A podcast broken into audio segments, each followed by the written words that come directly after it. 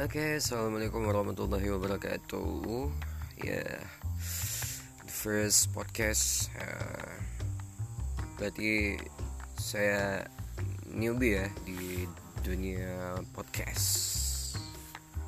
Gak tau deh, yang bikin saya tertarik untuk bikin podcast mungkin karena ngelihat uh, Om Deddy Kubusher mungkin yang memang happening banget dengan podcastnya tapi nggak nggak itu sih. Sebenarnya misi podcaster semuanya pasti bakalan sama ya pengen sharing berbagai hal. Mungkin itu bermakna sekali dan jika di share itu bakalan bernilai bagi orang-orang yang uh, mendengar podcast yang dibagikan ya. Nah ini berkaitan dengan uh, saya sebagai seseorang yang sangat edik sekali dengan uh, dunia alam bebas. Alam bebas like what ya? Oh uh, kegiatan alam bebas. Nah kegiatan alam bebas itu sendiri kegiatan outdoor yang bikin kita bakal melebur dengan alam. Itu yang lagi happening banget di Indonesia sejak 2012 sampai sekarang kita nggak tahu ya sudah berapa banyak orang yang sudah gandrung dengan dunia pendakian gunung. Dan bukan tidak mungkin pada 2025 semua orang bisa melakukan pendakian gunung. Dan dibalik itu semua happeningnya kegiatan pendakian gunung. Gak hanya pendakian gunung ya mungkin kegiatan yang lain kayak camping adventure ke air terjun atau eh kegiatan-kegiatan lain lah yang benar-benar memakan orang banyak. Memakan orang banyak gimana sih?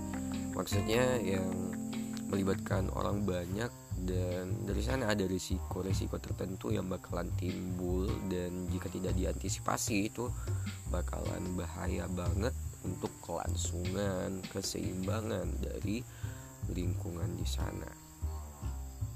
Nah, yang kita tahu sekarang dunia pendakian gunung dengan standar yang multitafsir ya kalau sekarang kita tidak heran karena eh, bedanya ya mungkin dengan pendakian yang dahulu dengan pendakian gunung yang sekarang kalau dulu untuk bisa dapetin peralatan dan perlengkapan pendakian itu susah banget.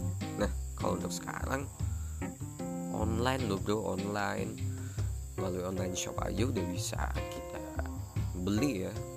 Mungkin itu tenda kompor uh, sleeping bag matras carrier dan seluruh tete bengek perlengkapan dan peralatan pendakian dan itu sangat memudahkan sekali bagi orang-orang untuk bisa memiliki semua peralatan dan perlengkapan. Dan yang paling penting sekali adalah ilmunya bukan peralatannya loh.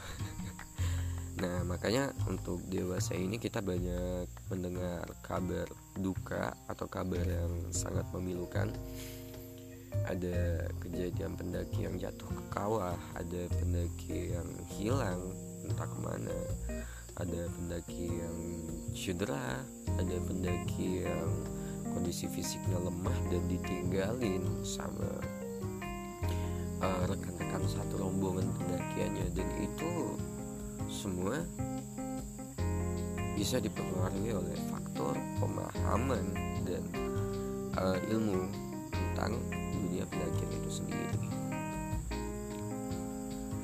Seperti yang kita tahu, uh, di Indonesia banyak sekali gunung-gunung favorit ya. Kalau untuk skala Indonesia itu mungkin teman-teman lebih kenal dengan istilah Seven Summit Indonesia. Seperti Sumatera itu ada Gunung Kerinci, di Jawa itu ada Mahameru, terus di Nusa Tenggara ada Rinjani, Kalimantan ada Taman Nasional Bukit Raya, di Pulau Sulawesi ya. Itu ada uh, Gunung Latimojong dan kawasan Indonesia tim uh, di kawasan Maluku itu ada Minaya dan Papua itu ada salju abadi Kartens Piramid.